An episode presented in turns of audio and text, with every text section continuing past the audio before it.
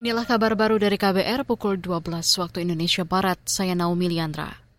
Menteri Koordinator Bidang Politik Hukum dan Keamanan Menko Polhukam Mahfud MD memastikan Satuan Tugas Tindak Pidana Pencucian Uang Satgas TPPU siap bekerja.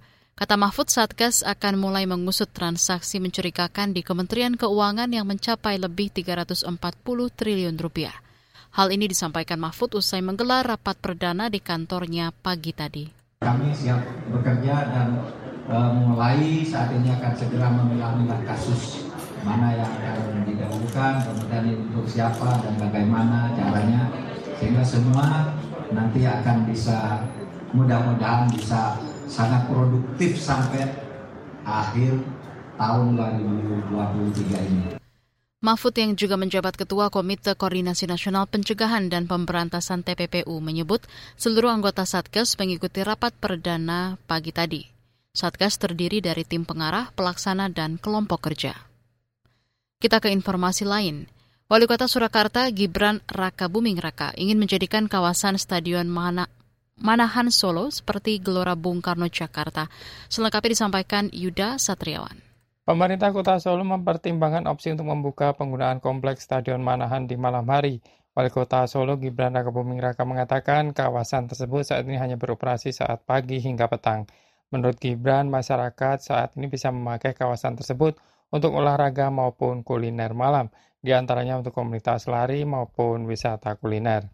Gibran menambahkan konsep yang akan diusung yakni seperti di Gelora Bung Karno atau GBK di Jakarta kemarin saya ngobrol dengan para pelari-pelari itu ada yang memang kalau pagi tidak bisa olahraga, bisanya olahraga di atas anu setelah jam kerja ya nanti harus kita fasilitasi ya.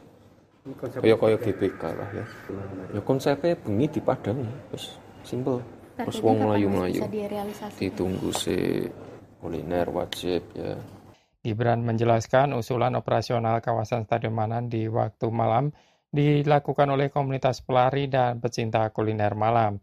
Pemkot akan menambah lampu penerangan di sekeliling komplek Manahan karena kondisi penerangan yang kurang. Di Solo, Jawa Tengah, Yuda Satriawan, KBR. Beralih ke informasi olahraga, Supporter Napoli terlibat kericuhan saat merayakan keberhasilan timnya mengunci gelar Serie A Liga Italia. Sejumlah fans memanjat pagar Stadion Dacia Arena, kemudian turun ke lapangan.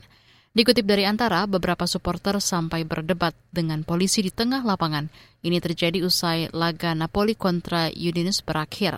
Napoli dipastikan mengunci gelar Liga Italia 2022-2023 meski bermain imbang melawan Udinese 1-1. Napoli mengumumkan 80 poin dari 33 laga. Angka itu tidak mungkin lagi terkejar tim lainnya di laga sisa. Ini merupakan Scudetto ketiga setelah penantian 33 tahun tanpa gelar. Demikian kabar baru KBR, saya Naomi Liandra undur diri.